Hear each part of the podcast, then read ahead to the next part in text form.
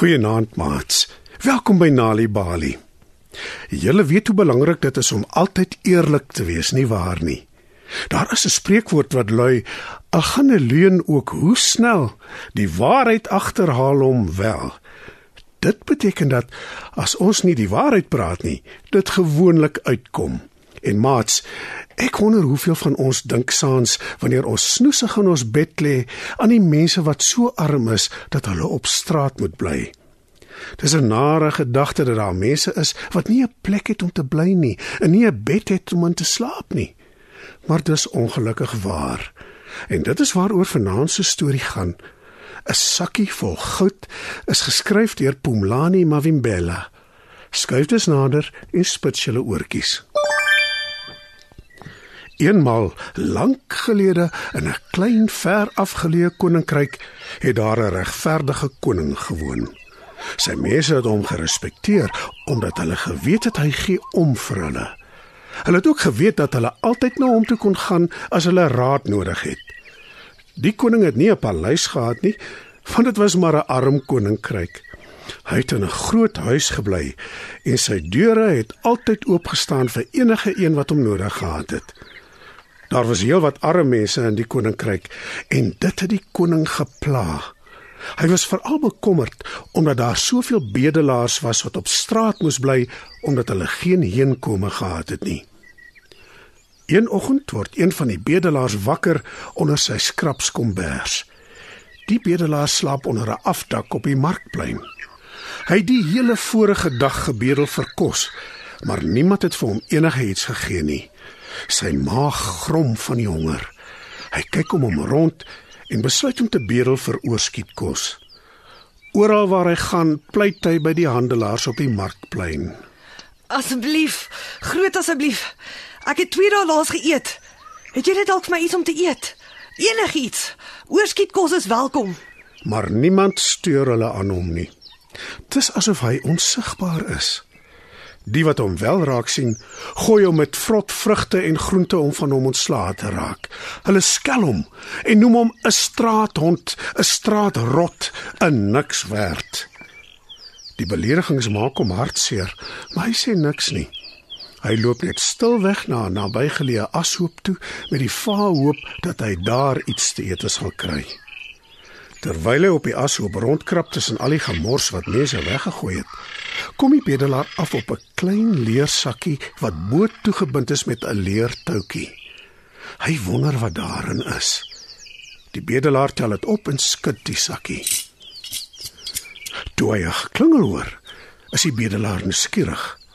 Hy maak die sakkie oop en sy oë rek groot van verbasing.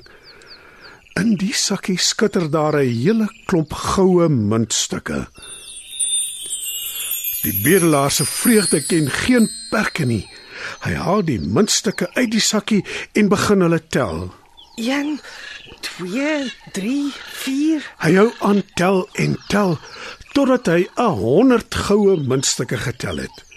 Die bedelaar is baie bly en hy sê hardop vir homself: Dis genoeg om my te versorg van die res van my lewe. Hy draf dadelik na die markplein toe om te gaan kos koop. Daar aangekom, hoor hy een van die handelaars benoud uitroep. Almal van julle luister. Ek het my leersakkie met goue muntstukke verloor. Ek weet nie waar nie, maar as iemand dit vind en vir my bring, beloof ek om vir die een 'n goeie beloning te gee. Die bedelaar kyk na die leersakkie wat hy op die ashoop opgetel het. En hy besef dadelik dat dit die handelaar se is. En omdat hy al het hy niks nie en al is hy honger, 'n eerlike mens is, besluit hy om die regte ding te doen. Hy stap na die handelaar toe en hou die sakkie uit na hom. Toe vra hy: "Is dit die sakkie wat jy verloor het?" Die handelaar glimlag verlig. "Jy het dit so waar gekry." Toe vat hy die sakkie by die bedelaar en begin dadelik om die muntstukke te tel. Die bedelaar wag geduldig. Toe die handelaar klaar die muntstukke getel het en dit teruggesit het in die leersakkie, sê die bedelaar beleefd: "Meneer, jy het iets gesê van 'n beloning." "Beloning?" sê die handelaar en bars uit van die lag. "Hoekom sal ek vir jou 'n beloning gee, jou armsalige bedelaar? Jy het my goud gesteel." bedelaar kyk verstom na die handelaar. Hy kan nie glo wat hy hoor nie. Toe sê hy: Meneer, ek het niks uit die leersakkie gevat nie. Nie een enkele muntstuk nie. Asseblief, kan ek die beloning kry wat jy beloof het? "Die handelaar gee hom 'n vuil kyk en sê: Daar was 200 goue muntstukke in die leersakkie. Nou is daar net 100 oor. Jy het baie meer gesteel as wat jou beloning sou wees. Die bedelaar kyk verstom na die handelaar en pleit. Al wat ek vra is my beloning. En toe voeg hy by: Ek het niks gesteel nie. Al die goue muntstukke is nog steeds in die leersakkie. Maak dat jy wegkom of ek kry die koning se wagte om jou in hegtenis te neem, jou vuil bedelaar. skree die handelaar.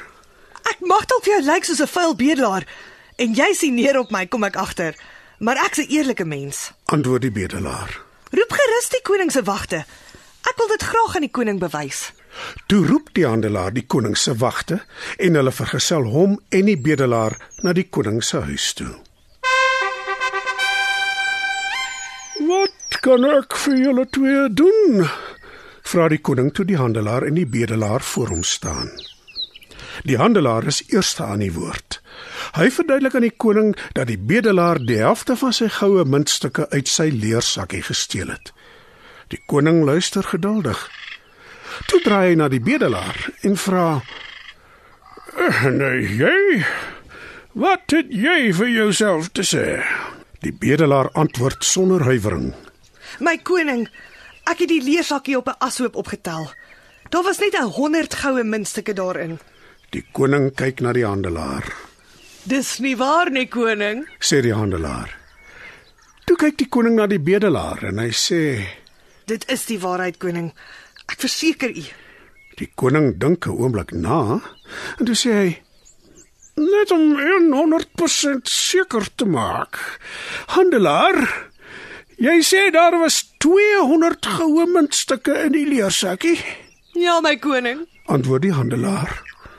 "Hm, ek sien," sê die koning. In die geval is dit 'n baie maklike probleem om op te los. Handelaar, volgens jou was daar 200 muntstukke in die leersakkie. Vir my lyk die sakkie heeltemal te klein daarvoor. Die 100 muntstukke wat tans daarin is, pas net mooi in die sakkie. En dit beteken dat die sakkie nie die een kan wees wat jy verloor het nie.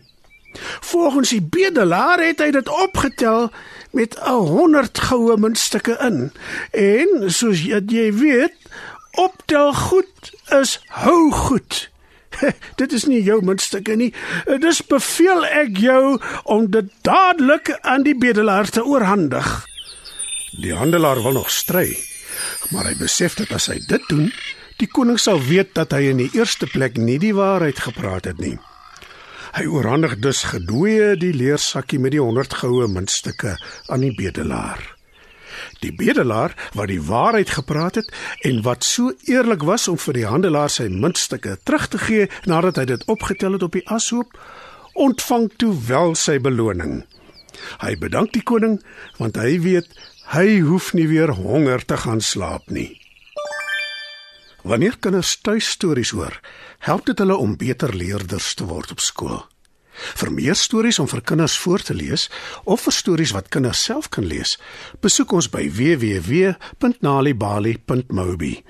Daar is heelwat stories in verskeie tale absoluut gratis beskikbaar. Daar is ook wenke oor hoe om stories vir kinders te lees en met hulle te deel sodat hulle hulle volle potensiaal kan ontwikkel. Nalibali is ook op Facebook. En daar is Nalibali stories en aktiwiteite in bylaas van koerante. Story Power. Bring dit huis toe.